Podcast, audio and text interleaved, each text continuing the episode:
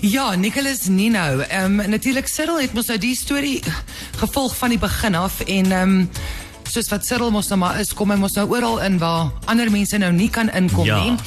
En hy het dit toe nou reg gekry om met Nicholas Nino se verloofde te praat. Ja. Ehm um, so ons gesels vanoggend met hom. Hy noem haar Mariaan, maar dit is 'n skuilnaam. So net sodat julle weet dit is nie haar werklike naam nie. Natuurlik sal sy mos nou probeer om so ver as moontlik uit die publiek te bly. Dit is nie 'n aardige onderwerp hierdie.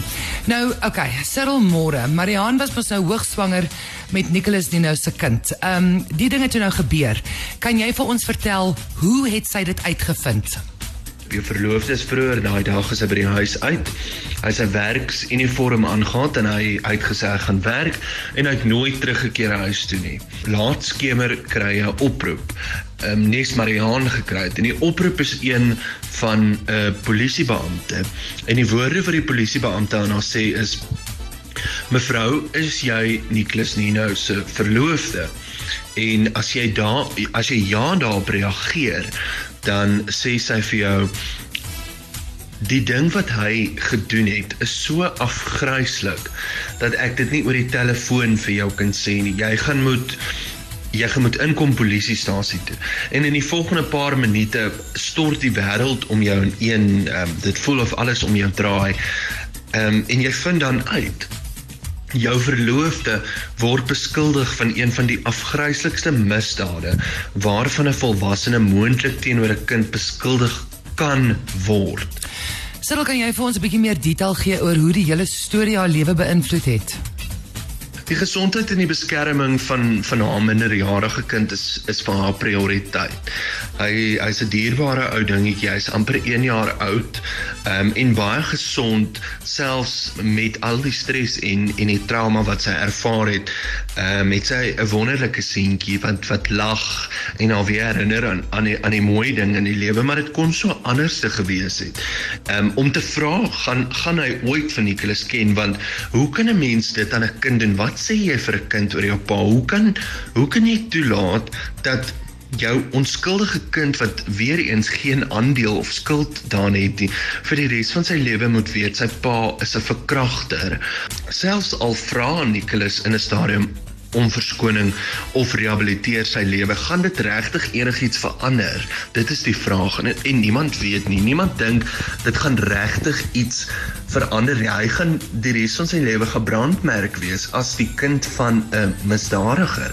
En nie net 'n gewone misdadiger nie, een van Suid-Afrika se berugste ehm uh, uh, kinderverkragters.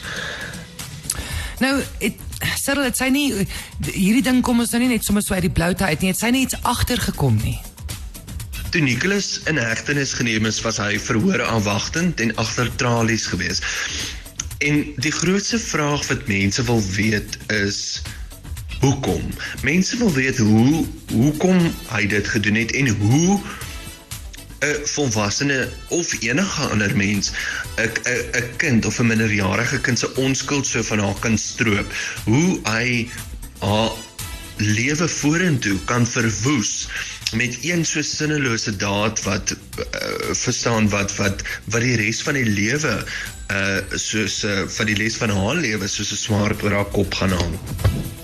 En die hartseer saak van dit is niemand het 'n antwoord daarop nie, maar in die sosiale media en so wou mense ook weet hoekom. So met Nicholas agter tralies was hy nie was hy buite bereik geweest. So mense wou dit by haar weet.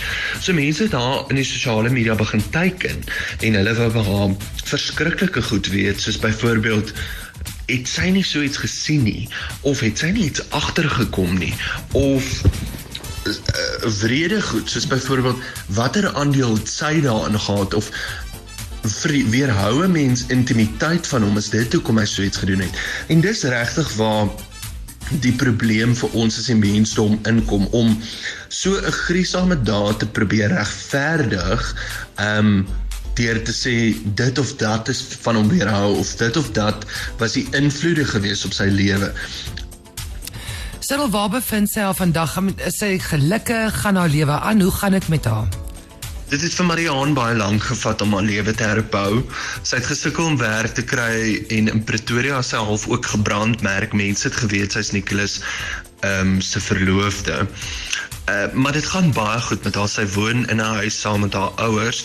Sy geniet die ondersteuning van haar ouers wat regtig alles in in al bes bes moontlik doen vir om seker te maak dat dat sy beskerm word en en dat haar kind beskerm word en en dat sy oukei okay is. En vir die eerste keer voel dit half of sy weer ehm um, kan sien vir die lewe asof sy weer die lewe vierkantig in die oë kan kyk sonder om skaam te wees. Jy's by Cosmos 94.1. Dit bly 'n sensitiewe saak, glad nie 'n lekker een nie.